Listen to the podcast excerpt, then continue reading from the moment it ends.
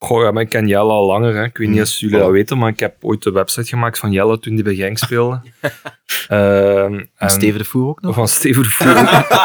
ja, echt geen mop. Ik heb twee spelerswebsites gemaakt. Eentje van Steven de Voer, eentje van Jelle Vossen. Laten we dan niet meer doen. viel tegen, dus daar ben ik mee gestopt. Die van, El, die van El Canoes maakt je niet. Nee, dat gaan we niet doen. niet. Bilal, sorry, ik doe het niet.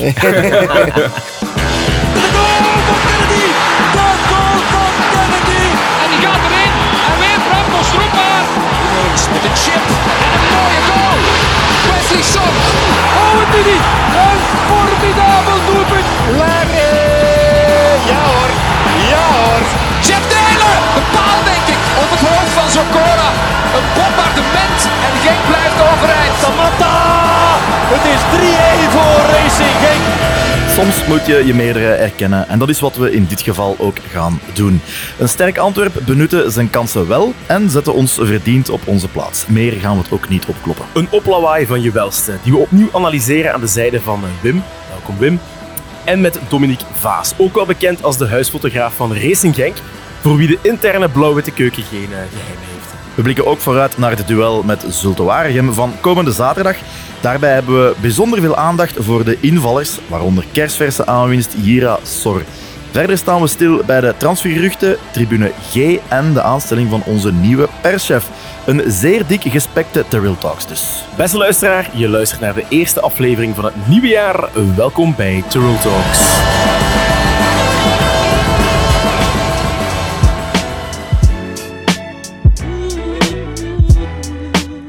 En nu gaan we even doen alsof we elkaar nog geen beste wensen hebben gewenst. Beste, wensen. Voilà, voilà. Ja, ook voor jullie beste wensen. Dank u wel. Ja. Hebben jullie goed gevierd?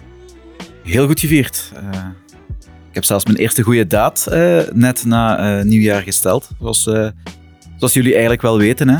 Dus eh, we zaten een klein beetje in de, in de problemen met onze opnamelocatie. Omdat eh eh, Lo van, eh, van job veranderd, of niet van job veranderd, van, eh, van werklocatie veranderd is. Waar dat we de opnames altijd deden. Dus eh, om eh, iets na middernacht heb ik eh, deze opnameruimte opnieuw kunnen regelen. Dus met dank aan Movito. Voor al- voor al Iemand is hier echt wel aan het solliciteren voor een nieuw extra legaal voordeel. En. Movito doet... filmpjes eh, van. eh, Hey, dat die ons helpen met filmpjes. Ik zit hier keihard te haken in onze, in onze podcast. Ja, maar wat voor filmpjes? eh? bedrijfsfilmpjes, eh, vooral voorstellingen. Ik zal de volgende keer een presentatiefiche meepakken. zodat, Ah ja, want de volgende gast is Amy Sonk, dus dat komt goed. Dat we filmpjes gaan doen. Ik ga de elephant niet langer in de room laten. Dominique, welkom. Clubfotograaf KRC Genk. Goedenavond. En zoveel daarbuiten, goedenavond. Eh Een beetje een speciale gast, beetje misschien een toevoeging aan ons panel of niet, dat gaan we nog achteraf moeten zien of niet. Als ik goed genoeg ben. Ja, dat, voor mij zijt je sowieso al goed genoeg. Eh, we, gaan al, we gaan al way back. Luisteraar van het eerste uur. Sowieso. Eh clubfotografen heb ik al gezegd. Eh, al, al heel lang. Eh ja, Kaarsen Genk stroomt door uw aderen. Dat eh, hoeven we niet te zeggen. Ook bij Welle, eh, in het Wellense voetbal eh, betrokken. De vlieg aan de muur in, eh, bij, bij beide clubs. Eh, ik denk een zeer eh, interessante gast. Ehm, hoe lang zit je al fotograaf bij KRC Genk? Effectief fotograaf. ehm oh, jaren 2004, 2005. Hallo. Cont- op, contact opgenomen met Pascal Delft, die toen de webmaster was van KRC Genk. Ik studeerde fotografie. En ik wou dolgraag mijn twee passies, KRC Genk en fotografie, combineren. Dus ik dacht, ik ga eens contact opnemen met Pascal. Was natuurlijk niet zo evident, omdat Patrick Mantels toen de huisfotograaf was. En die ja, eigenlijk heel goed deed. Maar het was Mhm. sowieso niet mijn bedoeling om Patrick er buiten te gooien en mez- mezelf binnen te krijgen bij Genk. Het was eigenlijk meer aanvullend dat ik mijn dienst zou aanbieden. Dus Patrick is niet kon, een training gaan fotograferen of eens mee op stage gaan in de voorbereiding of zo. En ik heb me dan aangeboden en, en de toenmalige webmaster Pascal heeft gezegd van, dat is goed, eh, je mocht u vervoegen aan het team, zijnde in een assisterende rol. Ja, dat was de tijd dat Gonzaak van Doorn hier de grond liep. Ja. Van die tijd, oké. En, en, en hoe was het dan als, als, als fotograaf? Zet je dan meteen, is dat dan meteen gelijk nu dat je, ja, ik ga het opnieuw zeggen, de, de, de vlieg aan de muur zet? Of eh, begint je dan bij, bij de jeugd en moet je je opwerken eh, doorheen de ploegen? Je moet sowieso rekening houden met het feit dat je een beetje moet opwerken, omdat het teamgebeuren bij eerste helftal, voor alle duidelijkheid, want jeugd en, en eerste ploeg is toch wel een apart gegeven. Ja. Maar de eerste ploeg moet je echt zien als een aparte bubbel. waar dat heel moeilijk is om daar zomaar in te geraken, laat staan dat je daar eh, vertrouwd in voelt. Mhm. Dat is echt een bubbel op zich. Dus dat heeft toch wel wat tijd geduurd voordat ik iedereen heb leren kunnen, kunnen leren kennen, zeg maar. Ehm, ja, dat heeft toch wel een paar maanden slash jaren geduurd voordat je je daar effectief door iedereen aanvaard voelt, zeg Ja, maar. ja, Ja. Ehm, gestudeerde fotografie, maar sportfotografie is een beetje een niche. Hè? Technisch is dat anders, dat is wat moeilijker. Leg eens uit, wat zijn de, wat zijn de uitdagingen? De uitdaging is dat je eigenlijk moet zorgen dat je de momenten hebt. Als jij morgen een reportage moet maken van een communicantje of weet ik veel, ja, dan is dat niet zo heel moeilijk, vind ik persoonlijk. Maar Mhm. natuurlijk, als er morgen een belangrijke fase in een wedstrijd gebeurt, of we hebben een goalviering waar dat je het vuurwerk mooi op de achtergrond ziet, je kent de foto's wel, ja, dan moet je zorgen dat je dat hebt. Heb jij die bekende foto van eh Mujahid Sadiq gemaakt? Met, eh, Nee. Die, nee, Nee. dat was wel... Ja, dan zit je natuurlijk al jaloers als fotograaf dat Ja. je dat dan niet hebt. Hè. Ja, Ja, dat is wel echt de, de momenten grijpen. Hè. Doet me zo een beetje denken aan zo'n festivalfotografie. Dat je zo net het moment moet capteren dat de leadzanger iets bepaald doet of zo. Ja. Dus ehm, ja, altijd wel klaar zijn. Ja, sowieso. Herinner u de, de foto van Wasilewski toen hij zijn been brak Ja. in een duel met Witzel? Ja, als je zo'n foto's hebt, dat is echt kicken. Hè. Ja, ja. Hoe, gaan, hoe gaan matchen voor u? Ik, ik vermoed dat je een, een plaats krijgt toegewezen of een zone krijgt toegewezen. En dan is het van, oké, pakt jij je laptop direct mee? Of hoe, hoe loopt het in detail, technisch, eh, uitvoerend? In detail proberen we altijd twee uur voor de match aanwezig te zijn. Omdat ik ook wel op uitwedstrijden de Instagram stories doe. Eh, komen aan, eh, maken wat foto's slash filmpjes van de kleedkamer. En dan ja, leeft je naar de wedstrijd toe. Hè. De spelers komen aan, maakt wat foto's, opwarming begint, je maakt foto's. Wij droppen die op sociale media. En dan begint de wedstrijd. Dan heb je eigenlijk bij de meeste clubs vrij spel waar dat gaat zitten. Je moet gewoon rekening houden dat je nooit voor de ledboarding zit. Dus eh, voor de reclamepanelen, zeg maar. Eh, dus je moet altijd achter de neutrale, uit, uit de neutrale zone blijven, om het zo te zeggen. En eigenlijk buiten in Anderlecht, denk ik. En in Standaard heb je vrij keuze waar, waar je moet gaan zitten. Dus zo onderling concurrentie tussen de fotografen. Oeh, dat is een hele bekende. En krijgt die dan zo het beste plaatsje? Of is het echt zo'n beetje ellebogenwerk? Of... er, er liepen, dat is wel wat veranderd in de loop der jaren, er liepen wel wat fotografen tussen die zich zo wat meer waanden dan anderen. Maar zo de laatste twee jaar of drie jaar, zeg maar, nee, allemaal heel fijne mensen die ook collegiaal zijn. Ja, wie het eerste er zit, heeft de beste plaats. Voilà. Ja, Dominique, is er eigenlijk zo een kiekje waar je echt trots op bent? Die je gemaakt hebt, die echt misschien viraal is gegaan? eh, die heel mooi in je portfolio staat? Ja, eigenlijk wel. Ehm, mijn portfolio, eh, dat is niet om daarmee op te scheppen, maar ik heb shows dat zowel in de academie in de spelerstunnel als bij het eerste elftal in de spelerstunnel heel wat foto's hangen die ik gemaakt heb. Eentje daarvan is eh, in het coronaseizoen waar Brian Heine de beker in de lucht steekt. Vind ik persoonlijk al een persoonlijke touch, omdat ik Brian ook al heel lang ken, aangezien hij jeugdspeler was.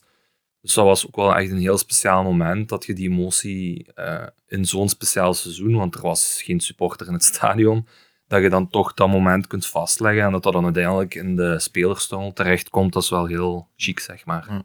Misschien ook wel interessant te vermelden, want ik denk dat de luisteraars dat niet weten. Je hebt in de, jeugd, de jeugdwerking van, van Genk zit jij ook wel altijd heel actief geweest. Hè? Nog steeds. ehm, ik ben eigenlijk al tien jaar huisfotograaf ook bij de jeugd. Hè. Ja. Dus je hebt heel veel van de gasten die nu in het A-team zitten zien groeien. Zelfs gasten die het A-team al ontgroeid zijn. ja, allemaal. Alle jongens die de laatste tien jaar in Genk Ja. zijn doorgebroken, die, die ken ik eigenlijk En de hoe, zaakjes persoonlijk. en hoe ontstaat dan zo'n relatie? Want ik denk altijd als clubfotograaf, zijt je letterlijk een vlieg in de ruimte en, en ze letten niet echt op uw aanwezigheid. Maar blijkbaar ontstaat er wel een soort van humane band, een soort van emotionele connectie, die, die, die bilateraal is, denk ik wel. Bilal. Bilateraal. Was er juist voor. Eerste dus ja, hè, de potten. Je hebt, je hebt met heel veel spelers relaties. eh, eh, je, je- je- je merkt dat je... Ja, je hebt die op speed dial staan soms, heb ik de indruk. Hoe, hoe ontstaat dat en, en, en hoe is dat vanuit die spelers dan? Ik denk, gelijk aangegeven, juist al, die spelersgroep, en dat is bij de jeugd ook wel, dat is een soort bubbel, technische staf, medische staf, spelers zelf. Dat is een, een ja, aparte wereld, maar die hebben ook natuurlijk maar alleen contact met elkaar. Als er dan iemand bij komt, gelijk ik of mijn collega Mathieu, die ook mee de video's maakt voor Kaarsen en Ivano, daarin komt, dan is dat voor hen ook wel leuk dat ze een, eh, een babbel hebben met iemand die eigenlijk zoals niks met het sportieve te maken heeft. We hebben ook geen sportieve functie in de club.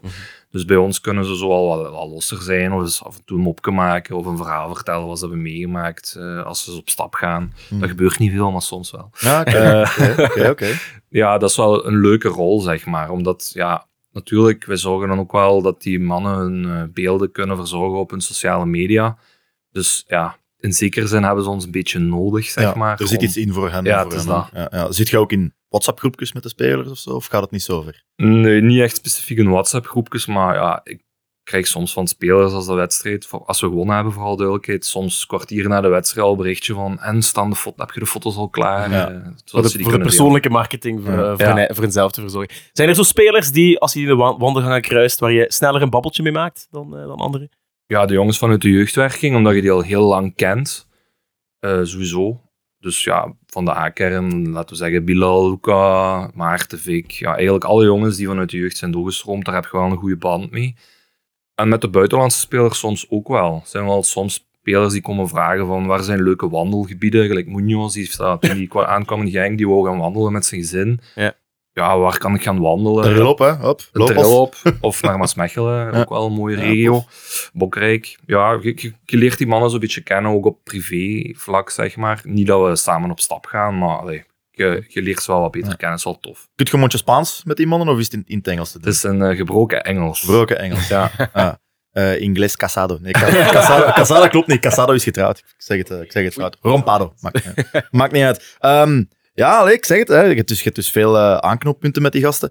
Weet jij dingen die niet voor publicatie vatbaar zijn? ja, dat denk ik wel. En wilt je ze publiceren? Soms denk ik wel dat je straffe verhalen zou kunnen publiceren, maar oké, goed. Ja, niet alles is voor publicatie. hè. Nee.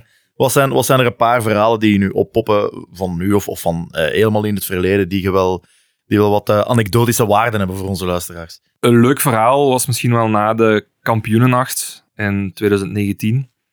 Na de wedstrijd in Anderlecht, waar dat Maarten van der Voort en Tobe Leijsen volgens mij voor de eerste keer ooit in aanraking zijn gekomen met alcohol. Die jongens, eh, dat geloof ik niet, jong. dat zag er niet zo goed uit. En ik kende Maar ik ken Maarten zijn mama een beetje. En die stuurde mij een berichtje, hoe gaat het met Maarten? Ik heb geantwoord, niet goed. Ehm, hoe bedoelt je, moet ik hem komen halen? Ik heb toen geantwoord, nee, nee, eh, Hilde, ik zal hem wel even naar huis brengen. Ja, en toen Tobe, dat, was, dat zag er eigenlijk ook niet zo goed uit. Eh, dus zowel Maarten als Tobe, ja, Tobe dan afgezet hebben zijn thuis in Geel. En zo doorgereden naar, eh naar Sint-Truiden, waar Maarten woont. En ik moet zeggen dat ik toch blij was dat Maarten uit de auto was, want het was, het was Ka- tijd om uit te stappen. Ja, het was kantje boordje, ja. Dus dat was wel zeker een, een leuke herinnering. Wel, zien of dat hem dat dit seizoen mag herhalen.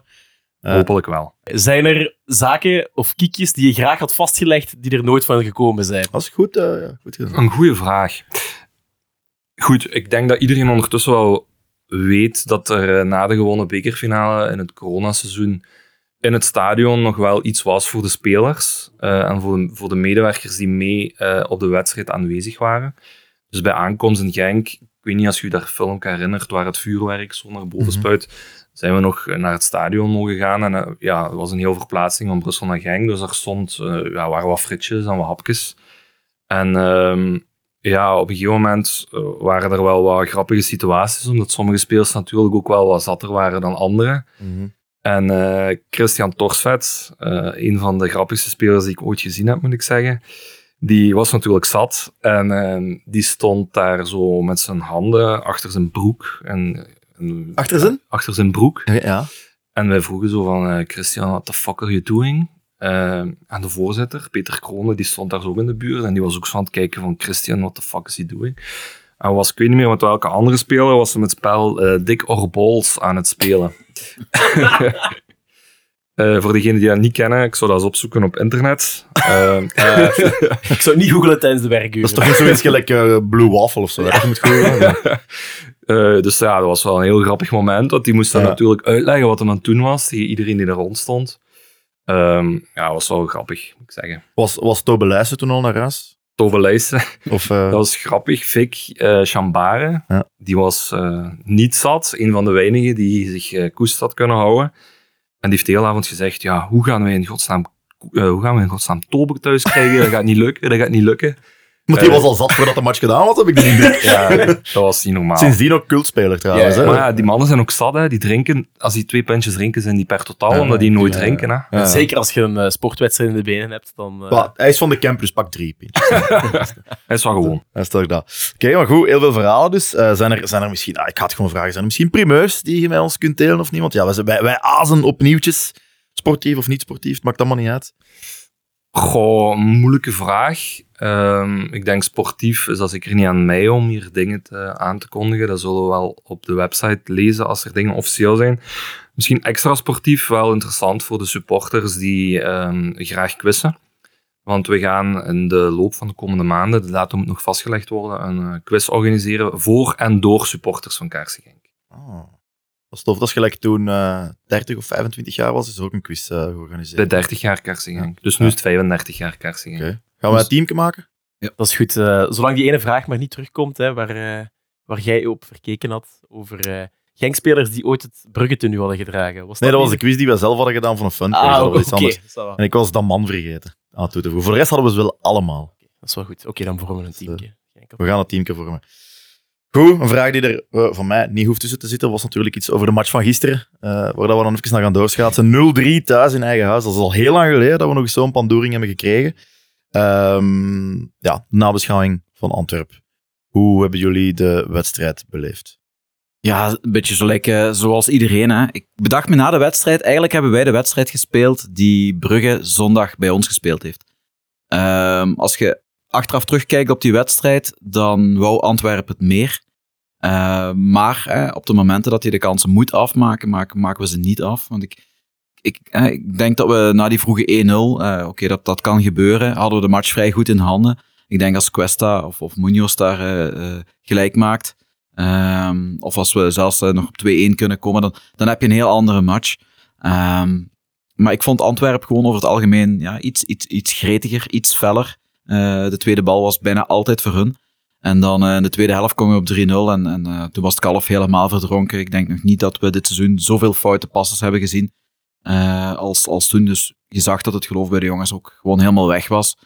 Ehm, ja, een ontgoocheling toch wel, want ja, beker is altijd iets moois en, en iets speciaals. En, en het zal niet voor dit jaar zijn. Ja, iedereen sprak over het dubbel alsof dat, dat even zo ging lukken, maar er is, ja, er is een reden waarom het al 35 jaar geleden is, denk ik, dat er... eh, Het programma is gewoon te zwaar En dat. En zeker hè, nu met het eh, WK, wat we achter de kiezen gehad hebben. Dus het, eh, het, na, het voorjaar ja, wordt, eh, kondigt zich aan als zeer zwaar. Mhm. En eh, als je nu al kijkt, eh, weer was het, vier of vijf wedstrijden op, op anderhalve week tijd, twee weken tijd. Ja, dat kruipt toch wel in de kopjes. En dan ben ik eigenlijk blij dat we er nu uit liggen en niet in de, in de volgende ronde. Hè? Dus Ik, ik zei ook toen ik de wedstrijd aan het bekijken was, ik zeg eigenlijk is dit ook wel een, een ideale waarschuwing voor, want we komen Antwerpen nog drie keer tegen, waarschijnlijk nog drie keer tegen dit seizoen.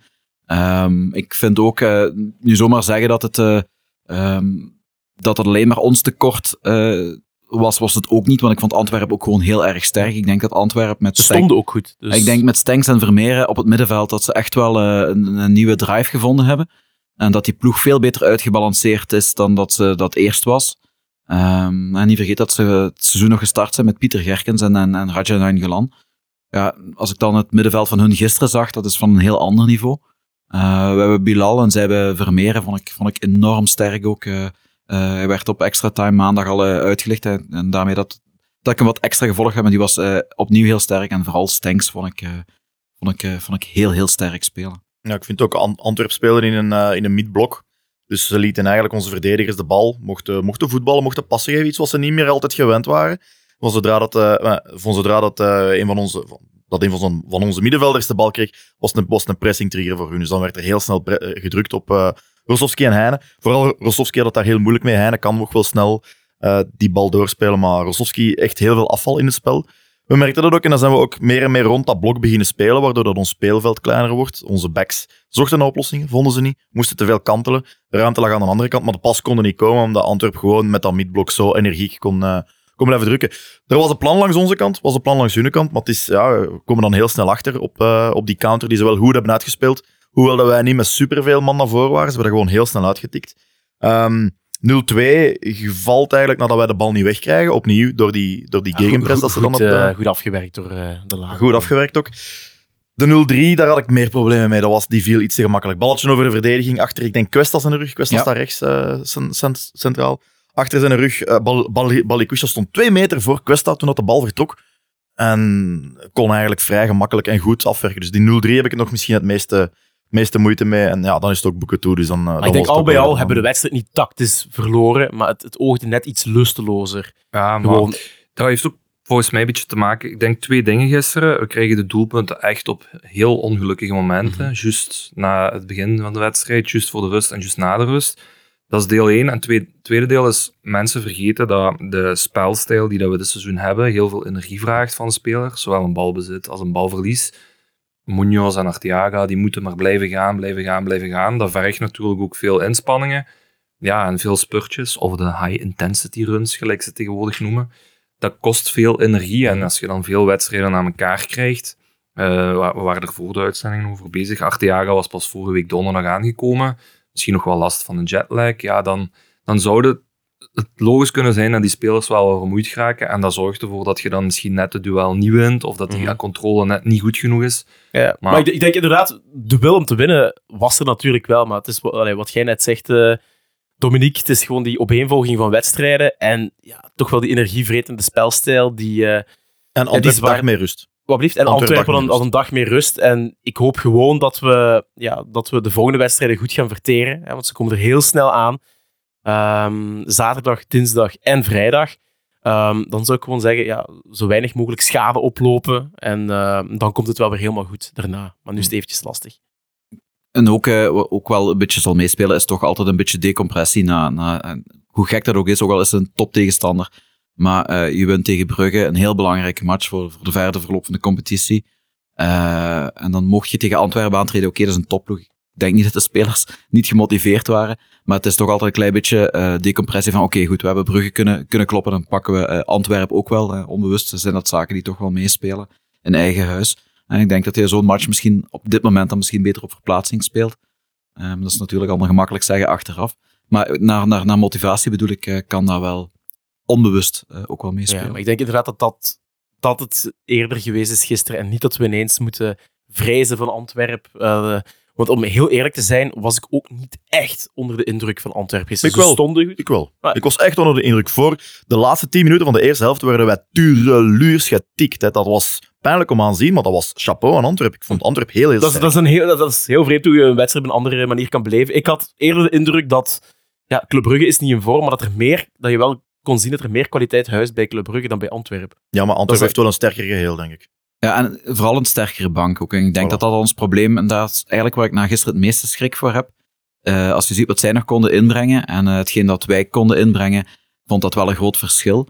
En eh, zeker als je nu ziet, hè, de, de periode wat er nu aankomt, hè, als we nu vermoeid zijn na, na, na wedstrijd 2 van die reeks van 5, dan, eh, dan, dan hoop ik dat ons dat niet te veel punten gaat kosten. Eh, dat moet niet zo, maar er is heel weinig geroteerd. Dus de jongens die erin gaan komen, eh, we gaan eh, zaterdag met een hele nieuwe rechterflank moeten gaan spelen. Ja, die zijn ook nog niet gerodeerd. Dat is een keuze en dat is een keuze die, die ik volledig begrijp. Maar dat ga je nu wel, dat ga je nu wel merken of dat, ja, of dat, of dat ja, ons punten gaat kosten uiteindelijk. Terwijl dat er bij Antwerpen veel meer geroteerd kan worden en zal worden.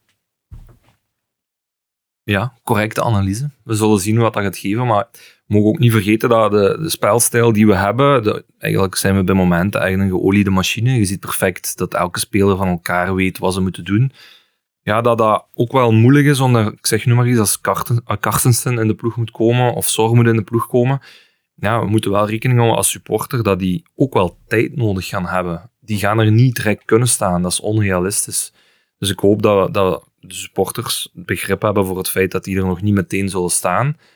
Maar desondanks moeten we natuurlijk wel zorgen dat we de punten gaan binnenhalen. Hè. Dat zal de komende weken Tuurlijk, ja, inderdaad. En dat is misschien mijn enige vrees voor komende zaterdag. Hè. Sommige mensen vrezen dan Zulte Waregem al. Dat vind ik een brug te ver. Ondanks dat, die, dat ze er nu toch ook al een vergulde driehoek hebben met, eh met Vormer, Gano en, eh en Rommens. Eh, maar uiteindelijk ja, moet je van eigen sterkte uitgaan. Moet je die wedstrijd winnen. Maar waar ik gewoon eerder vrees van heb, inderdaad, is dat we misschien wat uit balans gaan zijn. Omdat we toch twee eh, posities opnieuw gaan moeten invullen. En eh, het gaat toch zaak zijn om, eh, om vroeg te scoren, denk ik om ons toch wel wat ruimte en rust te geven om op spaarmodus richting het Kuipje te trekken. En daar ben ik meer mee bezig. Maar het gaat niet gemakkelijk, niet gemakkelijk gaan gaan, denk ik. Nee, maar goed, ik denk ook inderdaad, we mogen het ook niet dramatiseren. Hè. We, hebben, we, hebben, we hebben nu ja, tegen Kortrijk verloren, tegen Antwerpen verloren. Ehm, maar goed, dat zijn, het waren ook voor mij twee, verschillende, twee totaal verschillende, verschillende wedstrijden. Ehm, ik denk dat we met deze ploeg ah, gewoon geen schrik moeten hebben. We hebben ook een mooie voorsprong van zeven punten eh, op, eh, op Union. Die gaan ook heus niet alles winnen. Dus, ehm, ik Zitten denk- nog in de beker en eh spelen nog Europees. dus daarom, ik denk dat we inderdaad niet moeten panikeren, gewoon uitgaan van eigen sterkte. En we zien wel waar we komen. Ik heb alle vertrouwen dat, dat, dat de keuzes die gemaakt zijn door Franke, dus ik sprak net over te weinig roteren, ik zie dat niet. Dat is een keuze die je maakt en zo lijken we nu staan, is dat een keu- keuze die volledig terecht is geweest. Verliezen we nu een paar punten. Ja, als we dan de reeks eh, die, we, die we daarvoor hebben afgelegd eh, gaan bekijken, dan is dat absoluut geen blamage. Hè. Ja, en dat mogen we vooral niet vergeten. Hè. We mogen niet vergeten als supporter van Genk zijn dat we eh, van heel ver komen. Hè. Vorig jaar waren we bij manier van spreken en nog blij dat we play-off 2 konden spelen.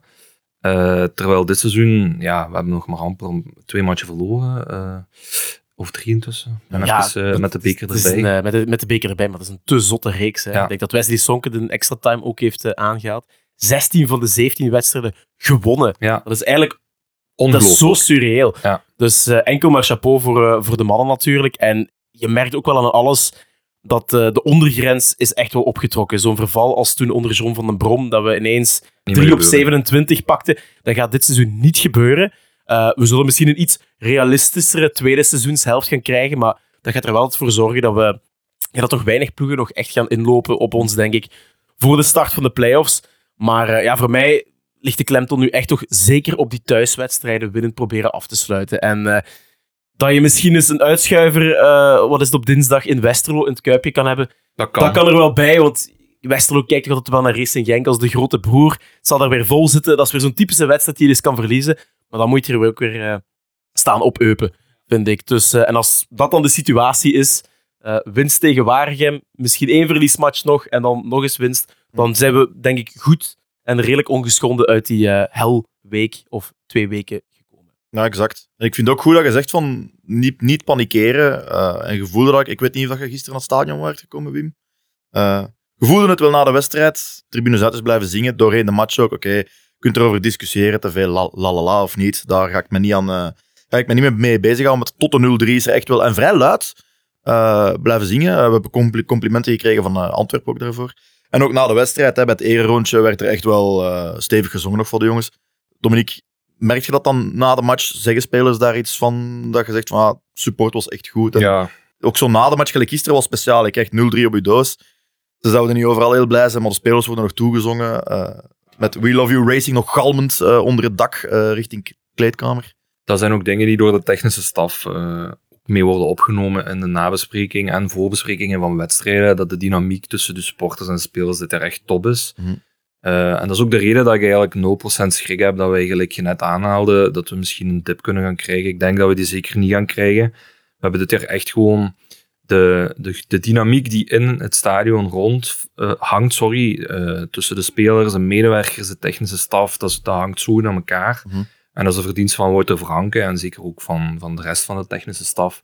Dus ja, je voelt gewoon dat, dat het goed zit, dit Ja. seizoen. Dat is En- wel... Want inderdaad, want, ja, als huisfotograaf kom je dan ook wel die kleedkamer misschien na de wedstrijd, hier en daar een kiekje of zo. Merk je dan toch iets van nervositeit of is het gewoon accident de parcours dan eh, in de wandelgangen? Meestal komen we alleen in de kleedkamer als we, als we een overwinning behaald hebben. Als Ja. we verliezen, blijven we naar Peter weg. Eh, dan hebben we daar ook niks te zoeken eigenlijk, voor alle duidelijkheid.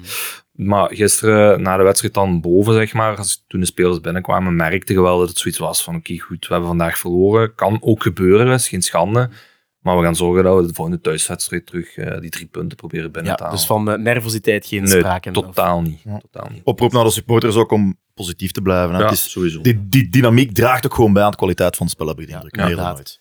Eh, misschien wel een voordeel van het feit dat we gisteren in ieder geval in de pan eh, gehakt zijn geweest, is het feit dat we heel snel ook vroege wissels hebben doorgevoerd, zelfs nog voor het uur. Eh, wat een unicum was dit seizoen. We hebben onder meer Preciado gezien, we hebben Castro gezien, we hebben Sor gezien en we hebben Samatta gezien. Eh, wat is jullie analyse van het viertal? Ehm, hebben we er vertrouwen in dat zij ook wel kunnen depaneren in de komende weken of niet? Ehm, ja, over Castro waren de meningen achteraf eh, heel erg verdeeld. Hè? Dus ik vond hem zelf eh, goed invallen. Eh, rond, rond mij in het stadion eh, waren heel veel mensen die hem niet goed vonden invallen. Dus, was, dus ofwel vond hij hem goed, ofwel vond hij hem slecht. Het was precies geen eh, gulden middenweg. Ehm, ik vond hem wel gretig invallen. Ik vond dat als hij aan de bal kwam, gebeurde er wel wat. Eh, zijn schoten op doel, terwijl hij normaal wel een goed afstandsschot eh, heeft, kwam er niet uit. Misschien toch wat overhaast of, of wat, wat, te zeer te drang om zich te bewijzen op, eh, op die weinige minuten speeltijd die hij toch krijgt uiteindelijk. Ehm, dat vond ik wel hoopgevend. Eh Preciado viel op zich op zijn Preciado's in, met, met heel veel drive. Dus dat, vond ik, dat was niks nieuws. Ehm, over Sor was ik een beetje ontgoocheld. Ehm, eh, nu goed, ik wil die jongen zeker niet in zijn, zijn eerste echte minuten eh, gaan afkraken. Ehm, maar ja, vier balaannames die alle vier mislukten, denk ik. En eh, vooral zijn looplijnen eh, vond, ik, vond ik heel erg vreemd. Hij kroop echt helemaal tegen Samatta aan op dat moment. Kan misschien ook de, want het was zo opvallend dat het misschien ook de opdracht geweest was van de, van de, van de, van de technische staf dat er ruimte kwam voor Preciado. Ik weet het niet. Maar dat viel mij wel heel erg, heel erg op, terwijl dat hij ja, op zijn snelheid, net op die flank, op zijn pijnstils eigenlijk wel het verschil had kunnen maken misschien.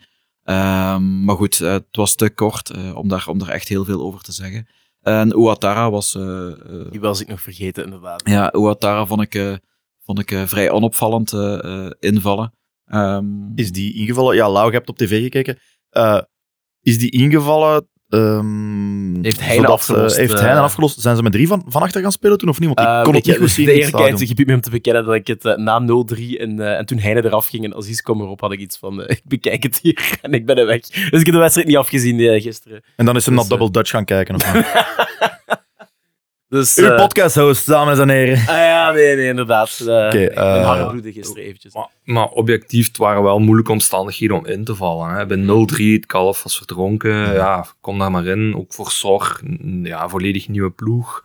Ja, dat zijn moeilijke omstandigheden die, die je zeker niet moet onderschatten, denk ik. ik denk eh, dat we voor Sor echt... Ik denk dat hij dat die nu zaterdag gaat hij gaat hij waarschijnlijk meer minuten krijgen. Eh, misschien dat we starten met Carstensen, eh Carstensen Preciado. Dat zou ook kunnen natuurlijk.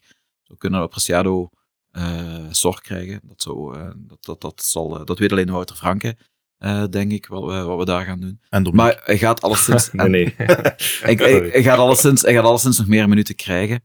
Ehm, maar voor hetgeen wat ik van hem gezien heb, de mensen die weten het, dat ik, dat ik geen grote fan was van zijn, van zijn aantrekken. Maar goed, ik ben, ben de minst betrouwbare bron op dat gebied. Ik denk dat het eentje gaat zijn wat, wat, wat nog wel wat werk aan is om hem op het niveau te krijgen. eh, wat, we, wat, we, wat we hopen eigenlijk een echte vervanger voor, eh, voor Pijnsel.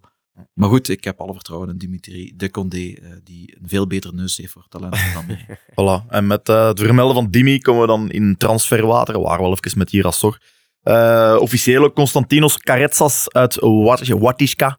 Eh keert terug. Eh, komt terug voetballen in zijn achtertuin. Een linkspotige spelverdeler van 15 jaar. Dus is nog te jong om bij Genk, Jong Genk sorry, aan te treden. Dus die gaan nog bij de U18 waarschijnlijk eh, mogen roderen. Ehm, goed op de kleine ruimte, heb ik mij laten vertellen door iemand. Ik kijk verder naar Dominique, die zal die wel kennen nog. Ik heb wel nog niet gelezen op de website dat dat officieel is. eh, dat hem naar ons komt. We zullen... allee, Alles wat in belang verschijnen is, officieel. Het staat nog niet op onze website, dus het is nog niet officieel.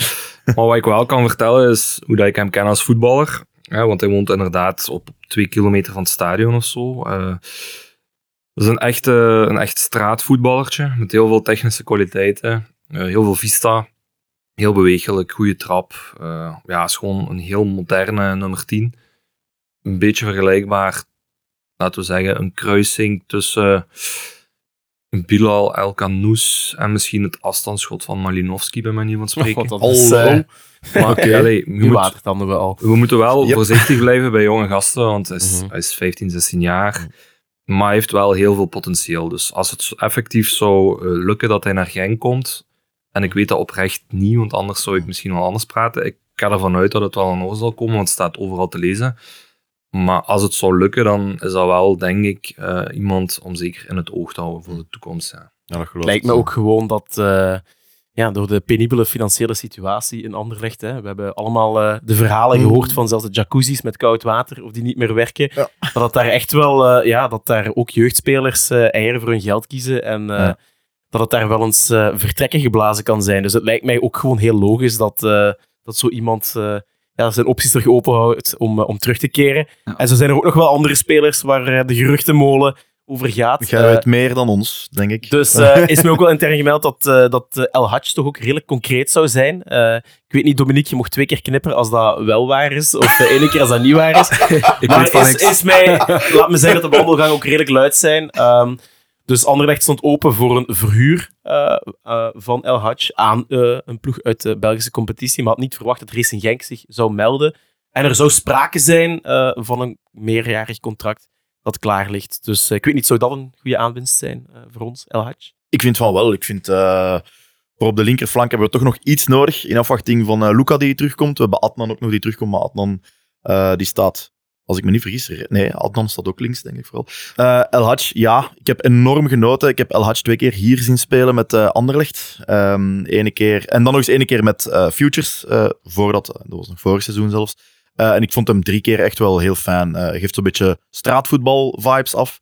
Eh, heeft als gescoord in de eerste keer dat ik hem hier zag spelen met uh, Anderlecht. Het winnende doelpunt zelfs. Ja. Eh, en, eh, Klopt. ik herinner me de post van, van Anderlecht nog. Kel, Kel Frapket.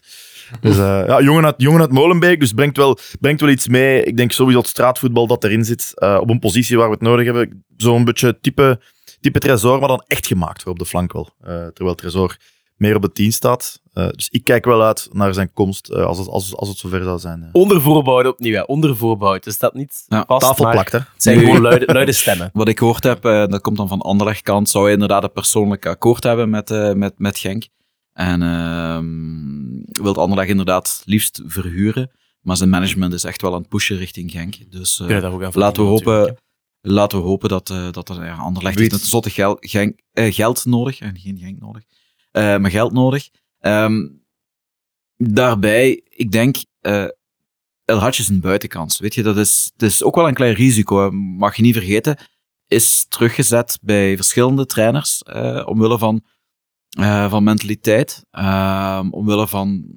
En zonder daar, eh, zonder daar een, en dat eh, een Peter van den Bemtje doen, heb ik me laten vertellen. zonder dat het, dat het echt een slecht karakter is. maar ja, wel, wel, wel een jongen die vertrouwen nodig rond zich heeft en zich goed moet voelen om te kunnen presteren. En dat, was, dat is bij Anderlecht nu zoek. Dus in dat geval zie ik wel zo'n beetje het verhaal van Benson, die, waarvan wij hier in Genk ook wisten dat zijn verhaal bij Genk uit was. Ehm, en, en, en, en dat het gewoon tijd was voor hem om nieuwe lucht op te snuiven. Dat heeft hij bij Antwerpen gedaan. Dat, heeft hij, eh, ehm, dat is daar dan ook wel gelukt. Ehm, maar eh, El Hadj, ja, eh, zou dat bij Genk misschien ook wel eh, dat verhaal kunnen schrijven. En ik denk dat hij onder een Franke ook het type coach heeft dat hij, dat hij op dit moment nodig heeft.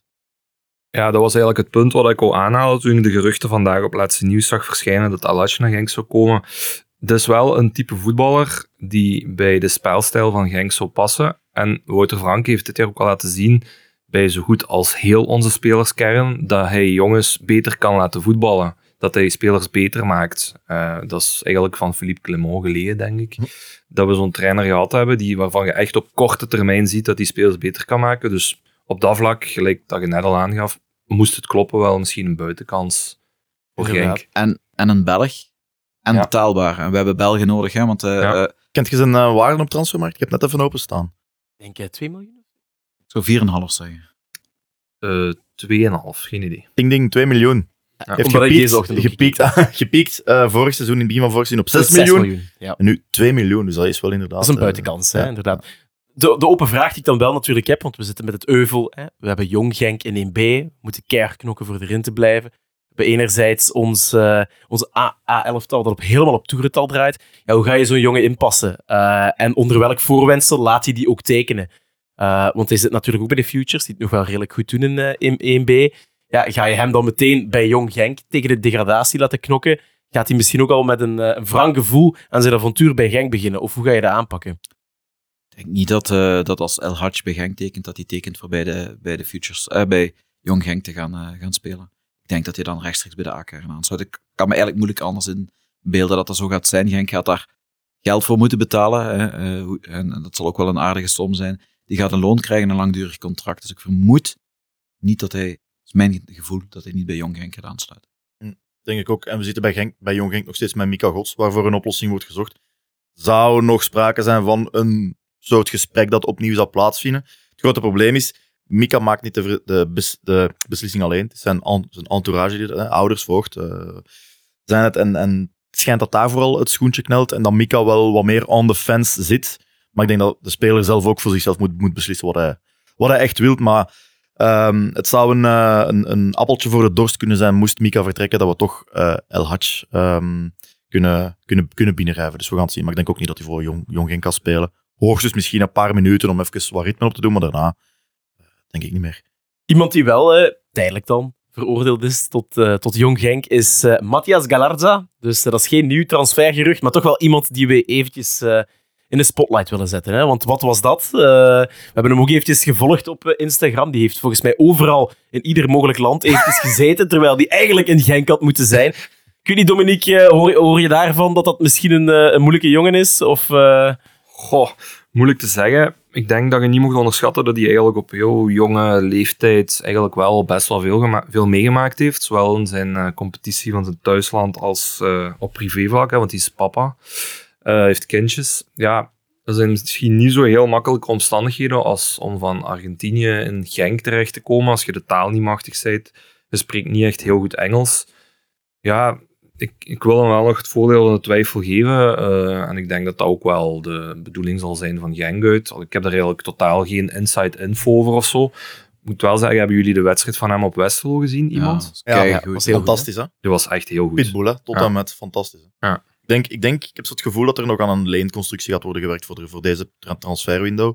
Er is sprake van een, eh, een Argentijnse club die hem wil lenen, zonder aankoopoptie. Gewoon een halfjaartje. Eh is ook pas getrouwd, dacht ik. Mhm. nee, is Eh, zwanger. Zijn, Of eh, nee, zijn vrouw is zwanger, is- zit daar. Ik snap wel dat uw, dat uw Ja, hoofd maar ik zou hem eh, zeker niet wegdoen, want eh, Nee. van de twee, eh, eh, Castro Galarza, gold hij in eigen land dan toch als het grootste talent. Mhm. Dus eh, dat was echt wel een prestatie dat Racing Genk die heeft weten strikken. Dus voor eh, ja, enkele disciplinaire redenen zou ik hem niet te gemakkelijk aan de kant schuiven. Weten ook natuurlijk aan Heine en Rozovski raak je natuurlijk niet, maar er is ook sprake dat Rozovski misschien zijn goed seizoen ook wil verzilveren. Wordt volgend jaar ook 31. Dus ik vind, je moet toch altijd wel proactief blijven erop inspelen dat je toch wel een, eh, een talentvolle jongen op die positie gaat moeten brengen. Ook al is het niet dit seizoen, misschien wel volgend seizoen. Zeker als je ook Europees gaat spelen, want het gaat een heel belastend seizoen worden, hè, het volgende. Ik vind, de, ik vind de timing vooral jammer eigenlijk, hè, dat het net nu gebeurt. Eh, eh, die hele saga dat hij wordt teruggezet, want eigenlijk nu in de weken wat nu komen, hadden we hem best kunnen gebruiken. Had hij waarschijnlijk wel wat minuten kunnen maken. Dus in die zin is het heel erg jammer. Ja, maar uitlenen aan een Argentijnse club, ja, dat is een optie. Ik ben daar persoonlijk, als dat op persoonlijk vlak niet anders gaat, dan is dat een, een keuze die je kan maken. Maar ik zou het eh, alleszins, ik zou hem liefst eh, zo dicht mogelijk bij huis houden. Eh, om, om nog meer het is een jongen van 19 jaar die inderdaad al heel veel heeft meegemaakt. nieuw land, nieuw werelddeel zelfs. dat, Mhm. die heeft, daar, daar, daar zal waarschijnlijk heel veel rond die jongen gebeuren. Heeft heel weinig speelminuten en dan ben je als voetballer ongelukkig en ook veel meer ja, eh, vatbaar voor, voor, voor, voor dat soort ja, gevoelens. Dus ik denk als die jongen één keer wat meer minuten kan maken, wat meer zich wat meer in het team geïntegreerd gaat voelen, gelukkiger gaat zijn. En dan zijn al die andere zaken wat, wat daar rond gebeuren ook veel kleiner en veel minder een probleem. En hij gaat minuten krijgen, want inderdaad, zoals gezegd, Rozovski eh, heeft zelf gezegd ofwel nog een langdurig contract bij Genk, ofwel eh, vertrek ik deze zomer, ondanks dat hij nog een jaar contract heeft. Ehm, of een optie voor een jaar heeft. Eh, ik denk dat Gelarza zijn opvolger wel kan zijn. Ja. Denk ik ook wel. Misschien een open vraag, want eh, de transfer window die, eh, gaat nog volgens mij een tweetal weken eh, voort, tot eh, eind januari. Moet er nog iets bij of niet? We liggen nu uit de beker, dus het aantal wedstrijden wordt schaarser, maar toch, ja, we gaan... Het is, het is heel energievretend voetbal dat we spelen. Ik las vandaag het forum en iedereen wilde ineens een linksbak bij hebben na gisteren. Oké, Sava. Ik vond het eh, wel opvallend, want op zich vind ik persoonlijk wel dat Arteaga een goed seizoen speelt. En we hebben met Tuur daar toch ook wel een leuke speler achter de hand, Tuur Rommes. Ik wacht nog wel op zijn eerste minuten, echt. Waar hij structureel wordt Ja. gebracht in plaats van... Ik, daarom snap ik die schrik van die supporters ook wel. Want eh, eh, als we links een probleem hebben, wordt Tuur niet gebracht. Hè? Dan wordt er geschoven met, eh Ja. eh, met Preciado, terwijl ik die daar nooit overtuigend vind. En dan heb ik zoiets van, ja, geloof je als, als, als trainer dan echt wel in een Rommens? Hoop van wel, ik denk van wel, maar waarom zien we dat dan niet? En dan krijg je als supporter, nou ja, kijk, we hebben geen echte vervanger, want onze vervanger voor eh eh, Arteaga, die inderdaad een heel goed seizoen eh, speelde, ik vond hem tegen Brugge ijzersterk, bijvoorbeeld. Gisteren was het minder. Ehm, maar dan, ja, we zien Rommens niet. Dus dan wordt hij ook niet gezien als een valabele optie op die linksback. Dus ja, hebben we geen linksback nodig, dan vind ik dat eh Franken hem ook moet, moet durven brengen. Ja, heeft het dan ook niet te maken met het feit dat de jonge jongens eh, competitief meedingen eh, in 1B en dat, dat er dan toch weer wordt gezegd van ja, nee, Rommens, we gaan die toch consequent eh, als linksbak houden dit jaar voor Jong. Ja, als ik, als ik, als ik dan toch, en ik ben een super grote fan van, eh, van Franke, eh, maar als ik dan één puntje van kritiek mag geven, dan is het inderdaad, ik had graag die jongens net wat meer gezien. Gisteren valt Ouattara in.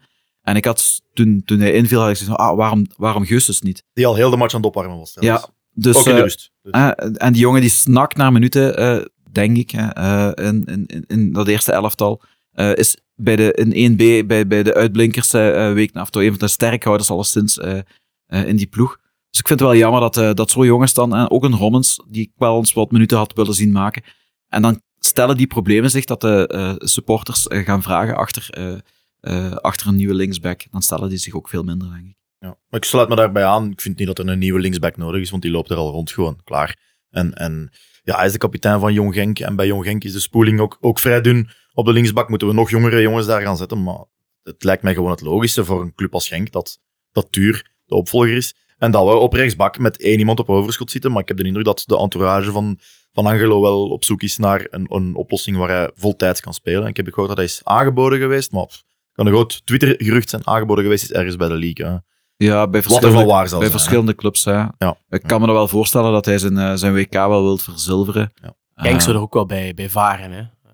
Want ik denk, als je hem nu, ja, als hij nu eh, als super sub gebruikt wordt en altijd eh, van op de bank begint, dat zijn waarde ook weer wat zal kelderen na een jaar. Dus eh, Wat ik wel knap vind aan hem, eh, ondanks dat hij eigenlijk zelf titularis is, is dat wel een heel, heel fijne jongen die zijn job op een top professioneel uitvoert. Is van wel knap, want die zit eigenlijk ook, ja, eh, ik weet niet hoeveel kilometers van zijn thuisland af. Spreekt niet echt Nederlands, laat staan, eh, spreekt een beetje Engels, laat staan dat hij Nederlands spreekt. Dus op zich vind ik dat wel knap dat eigenlijk zo'n jongen dan wel eh, ja, gewoon zich op een top professioneel blijft gedragen en gewoon ja, doet glimlach die verliest Dus hij nooit. Hè. Ja, Dus, Dat eh, is eigenlijk een heel, een heel vriendelijke kerel. Een spits, die, die had ik wel nog graag erbij Ja. gehad. Ik, het doet pijn aan mijn hart om te zeggen, maar Samatta valt door de mand. Eh, buiten dat doelpunt op eh Union heeft hij heel weinig gebracht. Ik denk dat hij zelf ook wel zal weten dat hij, dat hij achter zijn beste vorm aan hinkt. Maar resultaten moeten er komen. En ik denk, als we, als, als we nu ja, Paul eraf halen voor, eh, voor Ali, dan verzwakt het. Ofwel moet Ali plotseling zijn, zijn mojo weer terugvinden, ofwel moeten wij gewoon... Wat ik wel, dat is misschien het enige punt waar ik hem echt wel wil verdedigen, maar ik heb hem ook wel soms bij invalbeurten waar hij redelijk wat kritiek kreeg, heb ik hem ook wel echt zeer goed weten invallen, waarbij hij echt volgens mij de instructies van de trainer, de opdrachten van de trainer, heel, maar dan ook heel goed heeft nagevolgd. En dat vergeten sommige mensen wel, hoe die... ehm, ik herinner mij nog een wedstrijd, goh, ik weet niet meer welke partij het was, waarbij hij heel, door heel slimme loopacties ruimte vrijmaakte op een gegeven moment. Thuis tegen Anderlecht in de Thuis tegen Anderlecht. Ja, Dat was één voorbeeld. Maar dan nog, eh, het, het onvermoeibaar storen vaak. Het, Hmm. het gaten trekken. Voornamelijk het werken zonder bal. Maar goed, waar let je op als supporter? Wat een speler doet met de bal. Maar Ali is zo slim zonder de bal.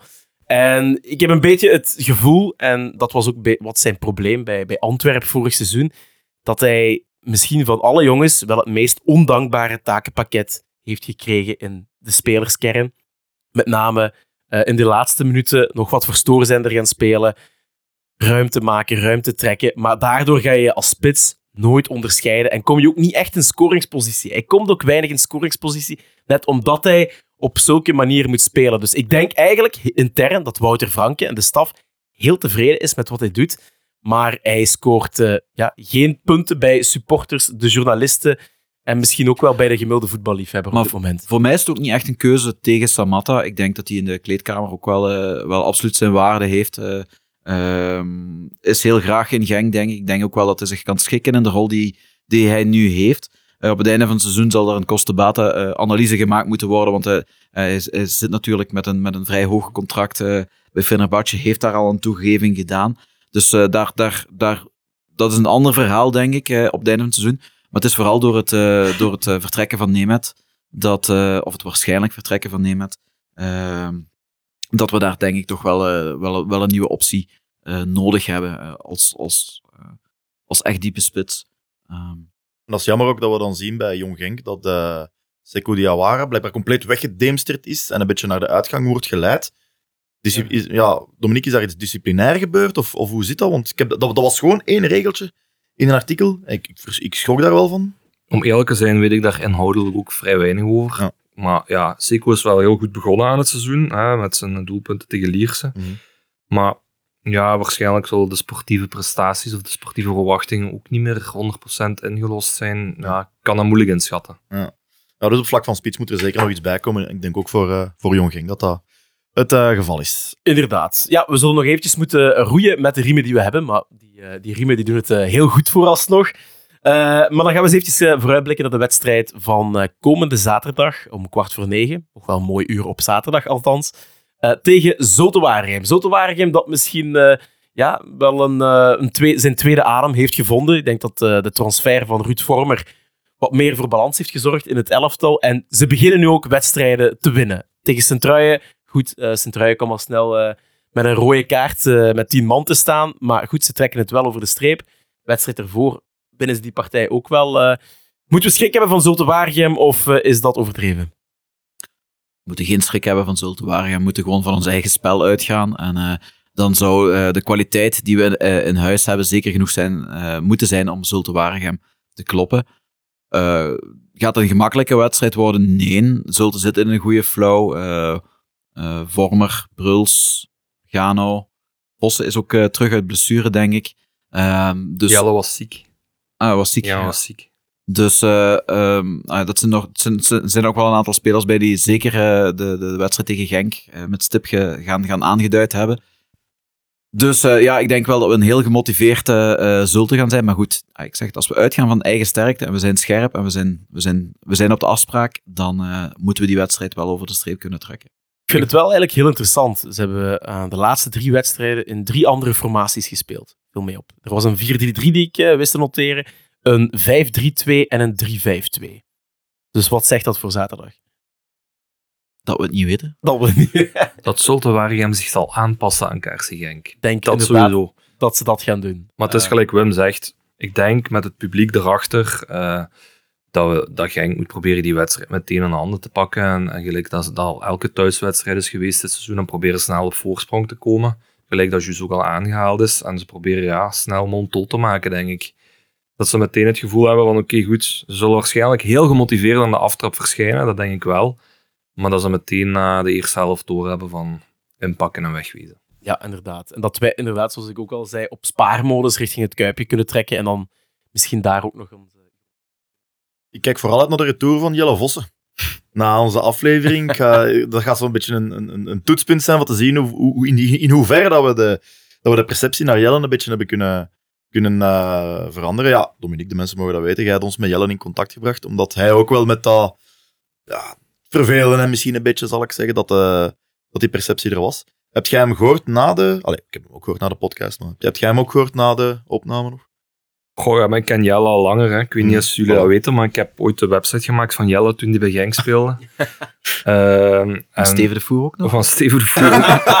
ja, echt geen mop. Ik heb twee spelerswebsites gemaakt. Eentje van Steven de Voer, eentje van Jelle Vossen. Laten we dan niet meer doen. veel tegen, dus daar ben ik mee gestopt. die van, El die van Elke Noes maakt je niet. Nee, dat gaan we niet doen. niet. Bilal, sorry, ik doe het niet. nee, maar ja, Jelle is wel... Ik kan er wel echt zeggen, in de nacht dat dat bekend geraakt dat Jelle uh, getekend had bij Brugge, heb ik een bericht gestuurd. Jelle, kunnen we even bellen? Heeft hij me effectief opgebeld. En we hebben, denk ik, 20 minuten gebeld en gezegd van, ja, Domi, ik had dat echt totaal zelf niet zien aankomen, maar ik zat echt, gelijk dat hij het verteld heeft in de aflevering, is effectief de versie hoe dat, dat geweest is. En Jelle, ik ben er 100% zeker van dat die nog altijd een heel groot Genk hart heeft en dat die Genk sowieso het allerbeste gunt. Alleen, ja, zaterdag waarschijnlijk niet, omdat hij met Zulte op bezoek komt. Maar ik heb hem achteraf, om op uw vraag te antwoorden, zeker uh, nog even gesproken. En hij had wel een goed gevoel overgehouden aan de aflevering, zei hij. En hij hoopt ja, dat hij toch uh, ooit op een dag hand in hand, uh, of ja, hand in hand is misschien veel gezegd, maar toch door dezelfde deur kan als elke Genk supporter. Mm. Oké, okay. Eh, ik vind persoonlijk is dat mij het meeste bijgebleven aan de, aan de aflevering, dat hij inderdaad zei, ja, ik heb schrik om, om naar Genk te komen voor een aftrap of zo. En dat was net nadat Café Pierre is gestart en dergelijke. Ik vond dat oprecht erg, dus eh, ik hoop dat dat wat heeft gedaan. Zijn, kon, zijn kanon mag wel zwijgen. Eh, zaterdag geen golen maken. inderdaad. Hoeft zelfs niet in te vallen voor mij. Dan- is die kans ook al, eh, ook al wat kleiner. Ehm, er zijn nog wat nieuwtjes eigenlijk. En een vraag die ik je zou willen stellen, Dominique. Zet je al in ehm, tribune G geweest? Ja, ik ben er even gaan uh, daar kijken. foto's gaan maken ook voor eh, het artikel en dergelijke? Samen met eh, collega Patrick, die nu mee foto's komt maken, zijn we er een Ja. kijkje gaan nemen. Ja. En, en hoe is dat? Het is een, het is een tribune achter, achter glas voornamelijk, waar dat er ook hoofdtelefoons worden uitgedeeld voor. Ja, leg, leid, leid eens een keer in wat het, wat het juist is. Het is eigenlijk een tribune waar dat, ja, prikkelvrij de wedstrijd beleefd kan worden. Dus dat was eigenlijk vroeger een stukje perstribune waar dat, eh, de geschreven pers achter glas naar de wedstrijd kon eh, kijken. En ze hebben dan een jaar of twee, drie geleden, denk ik, de perstribune een beetje herschikt, waardoor die ruimte vrij is gekomen. En waar dat het idee gekomen is van collega Niel, die, ehm, die gezegd heeft van ja, laten we daar iets mee doen met die ruimte, laten we dat nuttig invullen. En ik denk met het initiatief dat Genk genomen heeft nu, dat dat heel uniek is en ook wel heel leuk. Eh, die, die mensen zitten daar op een rustige manier, kunnen naar de wedstrijd kijken, maar hebben toch het gevoel dat ze betrokken zijn met de club.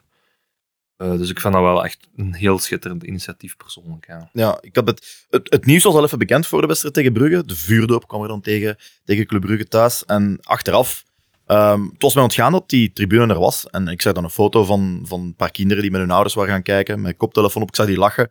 En dat deed ineens iets met mij. Ja. Zo, mijn, mijn nog niet bestaande vadergevoel werd ineens aangewakkerd. Ehm, en ik heb dat artikel toch eens gelezen en daar stond dan bij dat het een initiatief is van de Forza Foundation. Ik ga nu eens een keer vragen, ja, Dominique, jij gaat dat kennen, maar Lau, Wim, weten jullie wat de Forza Foundation is? Ik kan me er wel iets bij voorstellen. Allee, het is een moeilijke vraag om er meteen echt een panklare definitie voor klaar te hebben, maar volgens mij wel eh, een beetje de social corporate responsibility. Hè? Dus, eh, Heb jij mijn voorbereiding gelezen? jongen? Ja, nee, inderdaad. Nee, maar gewoon dat je, dat je...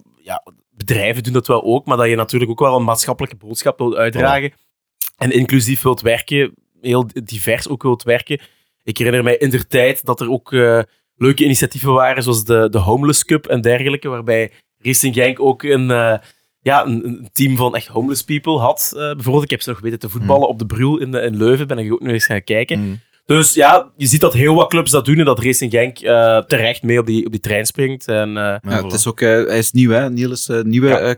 community manager. Ik Mhm. vond het een heel mooi eh, eh, initiatief. Ik was eh, inderdaad ook een beetje trots dat het weer iets is. Want eh, we, we zijn soms heel erg kritisch voor onze clubs. maar We mogen echt niet vergeten hoeveel mooie dingen onze club, en zeker op dat gebied, eh, g- eh, Ja, ja. gedaan heeft. Ja. Eh, we zijn denk ik een van de eerste clubs in België geweest die op community vlak zo ver gingen. Ja. Eh, ondertussen zijn er een aantal clubs eh, die, die nog heel mooi werk eh, leveren.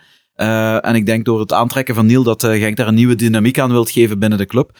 En als dit een eerste aanzet is, dan denk ik dat het zeker een, een heel geslaagde is. We hebben ook trouwens al, als, als eerste hadden wij de tribune voor de, voor de eh, dove mensen, eh, blinde mensen. Blinde mensen, dit ook. Komt nog ook bij kansarmen. Krijgen ook altijd, kunnen op een of andere manier ook aan tickets geraken. Vroeger, we, we verkochten niet vaak, hè, niet echt vaak een uitverkocht stadion. Was dat ook wel mogelijk. Maar eh, was er ook ergens een centraal aanspreekpunt voor die mensen ook tickets te geven voor wedstrijden, zodat ze dat ook konden beleven? Dedicated tribune voor minder valide. Was Ja. eigenlijk een van de eerste dingen die er is gekomen. Want het is inderdaad, twe- 2007 zijn ze gestart. En we waren toen de eerste, of een van de eerste clubs in België, eh, die met een zo'n soort van community werking eh, kwamen. Dus op dat vlak eh, een voortrekkersrol geweest. En, en nu inderdaad, er is zo'n hele nieuwe schwung gekomen. Ik heb, ik heb mij even verdiept in die Forza Foundation, omdat ik vind, mag eigenlijk wel veel meer aandacht naar komen. En ze, zijn ook ze hebben ook de Sustainable Development Goals van de VN daarbij geïntegreerd. Voor de mensen die dat niet kennen, het zijn een achttiental doelen die opgesteld zijn door de Verenigde Naties, vooral gericht op bedrijven en organisaties, eh, voor, voor, om, om duurzaam te gaan on- ondernemen en duurzaam om te springen met, eh, met niet, alleen, niet alleen met onze planeet, want met duurzaamheid denken we aan boompjes, planten en dergelijke.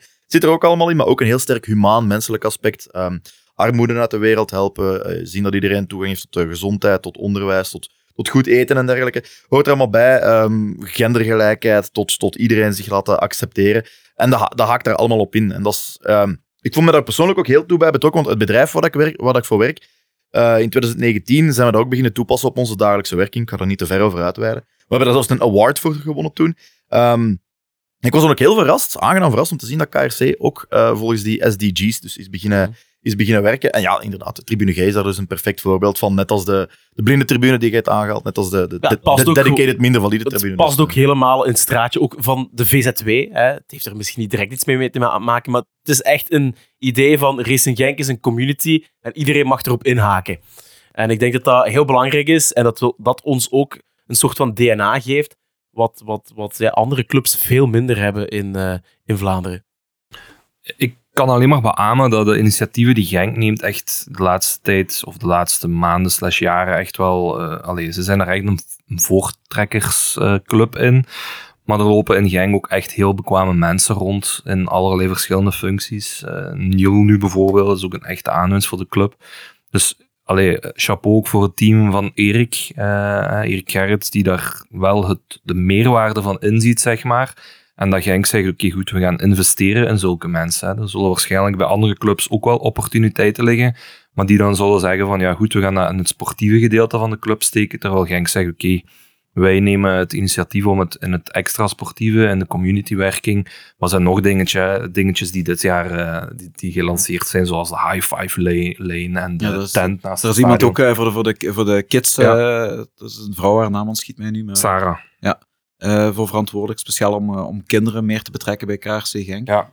Eh, knap, dat is, de- het zijn eh, initiatieven die alleen maar aan te moedigen zijn. Heel goed. En er zijn zelfs aanvragen voor abo- ab- abonnementen al binnengekomen voor Tribune G. Dus opnieuw een enorm succes. Eh foundation.kaarsgenk.be. Daar is alles erover te lezen. Allen daarheen. Allen Allen daarheen. daarheen. En En de website traffic maar eh, pieken. Voilà. En dan is er nog één laatste nieuwtje vandaag binnengekomen. Eh Eben Samples is de nieuwe Press and Communication Lead, de perschef dus, dus de nieuwe Peter Morn, Ah, oké. die, eh, eh, die er binnen is gekomen. Ehm, dus ja, welkom zou ik zeggen, Eben. Hij Hebben, we, gaat, hebben we eh, zijn LinkedIn al gestalkt? Nog niet, maar over zijn voorgeschiedenis? gaan dat wel moeten doen. We gaan natuurlijk hem, hem moeten stalken en eh, meteen zeggen van, wij zijn belangrijk. Eh, dus, dus heel interessant. Eh, ik, heb, ik heb dat tekstje een keer doorgenomen dat dat erbij staat. En er, wordt, er is voor de eerste keer ook sprake van het interne Digital Content Agency. Oké. Dus dat is wel iets waar dat we ja, vooral op het forum al over hebben gesproken. Van, ja, bij, bij Club Brugge doen ze dat en die maken goede content. En dat is toch nog waar dat het schoentje, no offense aan iemand van de content creators die hier aan tafel Ja. zit, maar dat is wel waar het schoentje nog wel wat knelt qua, qua snel schakelen vooral zit. De content die dan uiteindelijk geleverd wordt, is meestal ook wel van heel hoog Ja, niveau. maar meer capaciteit nodig. Meer capaciteit nodig, exact. Ehm, is dat iets waar jij iets van weet, dat digital, interne digital content agency? Is dat iets nieuw of, of is dat hoe men altijd al sprak over de creërende poot van, van de content? van de communicatie? Davy, Davy van Haan die zit daar heel fel achter, of zat er heel fel achter. Ik denk dat hij nu wel, eh, als eh, de communicatieverantwoordelijke ook gevonden wordt, misschien terug wel wat op de achtergrond zal verschijnen. Maar het is wel iets waar, waar Genk ook ehm, inziet dat ze daar ook op moeten gaan inzetten om meer in-house content te kunnen gaan creëren op, de, op termijn. Dit jaar zijn er een paar leuke initiatieven geweest, zoals Inside the Cup weer, eh, de Biobank, eh vind ik ook wel een, een leuk eh, Ja. creatief iets. Maar de, het is wel zo, en ik, ik lees die commentaren op het forum ook, dat er soms wel wat kritiek is, eh, die soms zeker terecht is, voor alle duidelijkheid. Wim, hè, want ik, Ja, ik, ik, ik, eh, ik, ik, ik heb er al een, eh, op die nagel al een aantal keren geklopt. Een ganse whitepaper had je uitgeschreven. Ja, dat was op een, eh, op een saaie eh, zondag eh, namiddag. Ehm, ik, ga, eh, ik ga die niet voorlezen aan de luisteraars, want anders zitten we hier eh, over twee uur nog. Zal ik hem in de show notes van de podcast Ehm, nee, maar goed, m- voor alle duidelijkheid, het gaat er mij vooral, vooral over het, hetgene wat, wat jij ook zegt, Theo. Ik denk dat er heel veel hetgene wat gecreëerd wordt, dat dat goed is. Ik vind ook de, de, de filmpjes die Ivano maakt, die Inside the Cup, dat is trouwens, dat zal wel teamwerk zijn. Dat is, dat is echt van meerwaarde. Ik vind trouwens het laatste filmpje van Anderlecht is weer top. Die opbouw heel traag. Eh, waar je eigenlijk heel veel leert, leert over spelers. Hè. Carstensen, die E-woordje Nederlands zegt, zegt, dat zegt zoveel over, over Vier zinnen vriendschap. Oh, Ja. Die kan Maar- beter Nederlands dan ik. Eh, maar dat zegt zoveel eh, over, over zo'n spelers. Ja. Dus dat vond ik, eh, vond, ik- dat is fantastische content. Maar eh, ja, inderdaad, eh, er ontbreekt wel wat. Als we gaan vergelijken wat, eh, wat, wat Genk brengt, wat andere clubs in, in, in 1A brengen, en dan spreek ik niet over de topclubs eh, in, in, in Genk, hinken wij een klein beetje eh, achter. Zeker als we gaan kijken op het niveau van, van, van clubs waar dat wij in Europa eh, op zitten. Eh, dan denk ik bijvoorbeeld aan een Malmö, ehm, PSV. PSV zit misschien nog net erboven eh, qua, qua team en qua investering. Maar bijvoorbeeld een Malmö, ehm, een eerste ploeg, ik ben, de naam ontschiet mij nu. ehm, die maken eigenlijk ongelooflijk veel content met ongelooflijk ja, beperkte middelen. En als je ziet zelfs, gebruik het altijd en dan trek ik het een beetje op flessen, hè, in vierde provinciale zijn ploegen die meer content brengen dan KRC Genk. Ja, dat is waar en dat is, niet waar. Ik snap dat je als Genk als een keuze wilt maken van ik wil kwalitatief iets goeds brengen, eh, maar we zijn 2023 en dan mag het soms wat meer zijn. Supporters vragen graag eh, direct na de wedstrijd content, eh, vragen iedere dag van de week content. Als we dan een, een, een winterstage gehad hebben, waar we eigenlijk bijna niets van content hebben eh, eh, Het was vroeger gezien. wel anders. Hè? En dat was vroeger anders inderdaad. En hè, vroeger kregen we, kregen we dus een diepte-interview of eh, een, een blik achter de schermen. En nu waren het goed gemaakte, korte filmpjes. Eh, We hebben de bank wel gehad. Ja, maar het- ik zeg het, het is, het is te weinig. Ik, ik denk dat, dat dat zaken zijn die zeker ook wel bij de club eh, bekend zijn, waar ook wel vaak gesprekken over gevoerd wordt. Maar er moeten soms vanuit de club ook keuzes gemaakt worden. Ik begrijp dat niet elke supporter daar echt in detail zicht op heeft, maar laat me dat toch even kort schetsen. Niet alle content die gemaakt wordt in de club komt uiteindelijk op Facebook of Instagram terecht. Dus soms moeten er filmpjes gemaakt worden die eh, misschien eerder commercieel getint zijn, die dan in de, in de business lounge getoond worden op de B2B grote schermen, communicatie. B2B communicatie.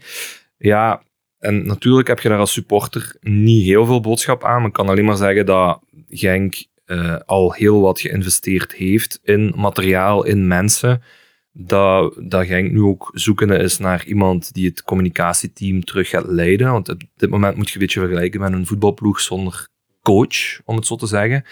Dus, maar de club is zich daar wel bewust van en er wordt veel over gebrainstormd. En ik denk dat de club zeker ervoor open staat om extra hulp op wedstrijddagen eh, aan te nemen. Want Genk is uiteindelijk een club die, die veel vrijwilligers in dienst heeft. Ik ben zelf ook niet vast in dienst, ben vrijwillig voor de club op wedstrijddagen. Het is wel belangrijk om te weten dat, ehm, dat op die manier Genk ook wel open staat voor extra input. Dus ik denk, als, als er mensen zijn, gelijk u Wim, die, die, die ideeën hebben of mensen kennen die zich willen engageren om voor Kaarsen Genk iets te kunnen betekenen, dan denk ik dat dat zeker mogelijk is. Daarom niet altijd in een fulltime job, maar misschien in een, in een vrijwillige rol, zeg maar. Ja, maar ook, de, de, de, je zegt het zelf, ze missen een coach nog. De vacatures staan nog altijd open, als ik me niet vergis, voor, ja, eh, voor eh, communicatie en allee, voor, voor lead, communicatie en marketing. Lau, had jij je cv nog niet gestuurd? jij zit in de branche. Nee, kijk, ik, allee, ik zit goed eh, waar ik nu zit. En eh, ja, het is ook wel... Het vraagt heel veel van u, hè. Want eh, we weten natuurlijk eh, hoe het eraan toe gaat met zo'n functie. Hè. Je moet bijna altijd op de club zijn. Eh, wanneer iedereen vrij heeft en in het stadion zit om te supporteren, moet jij bij de les blijven, omdat er nog een eh, verslag na de match gepubliceerd moet worden en je je team nog verder moet coördineren met bepaalde social media posts die verschijnen. Dus je moet het ook maar willen. Ik vergelijk het altijd met een beetje met mensen die zo in de horeca of in de toeristische branche werken.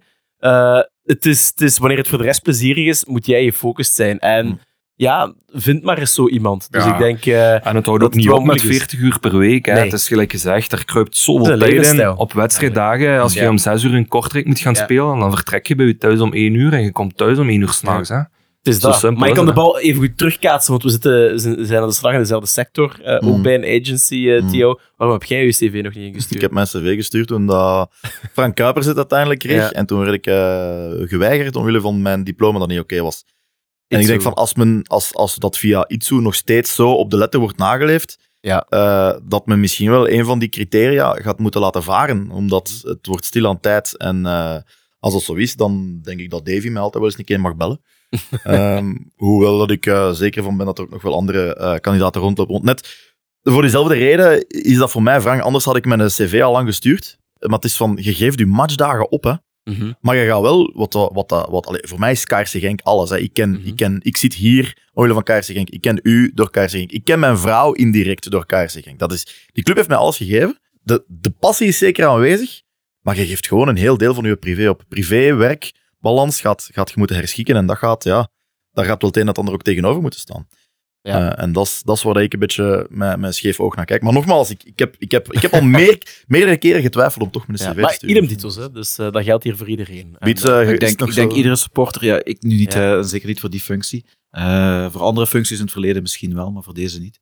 Ehm, maar eh, nee, dus gelijk eh, Domi zegt, en het fijne is wel, ehm, Erik staat bijvoorbeeld ook echt wel open als je, als je goede, eh, goede input hebt. Zeker. Ehm, ik heb al een paar gesprekken eh, gehad, één op één met Erik.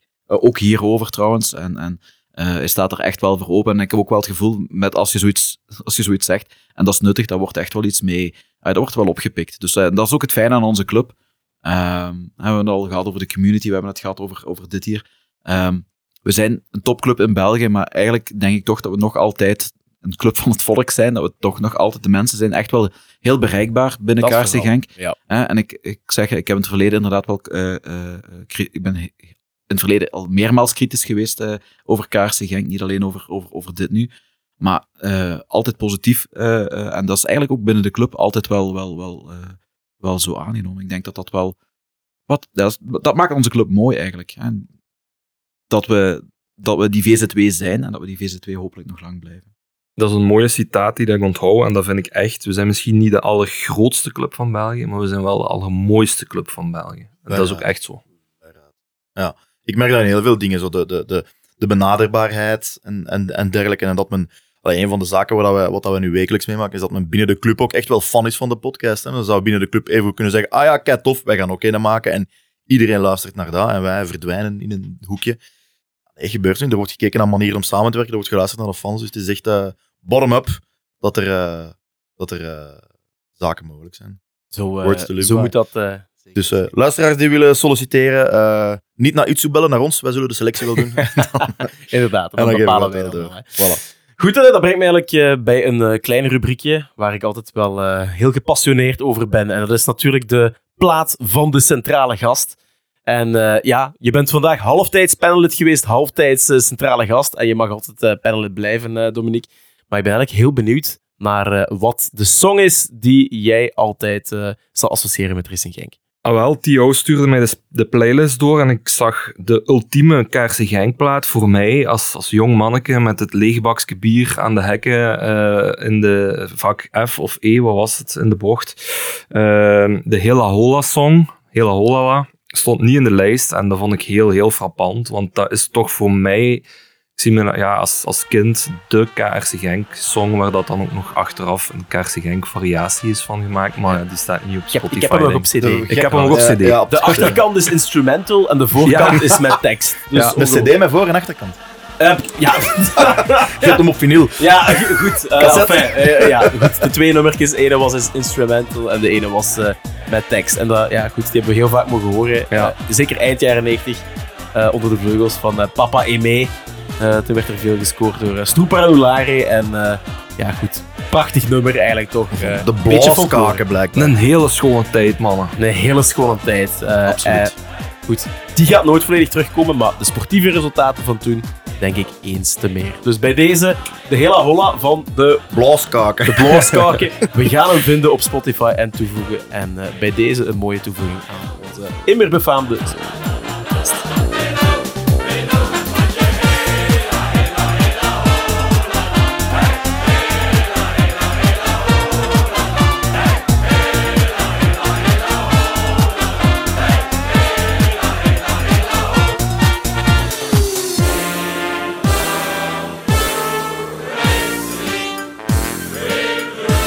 En dan zijn we helemaal rond, hè. Zo is het. Toch weer wat uitgelopen. We proberen het eh, panelaflevering op eh, 45 minuten te houden. Eén goede helft, maar we gaan al richting eh, het laatste kwartier van een voetbalmatch. Maar eh bedankt Wim om er weer bij te zijn.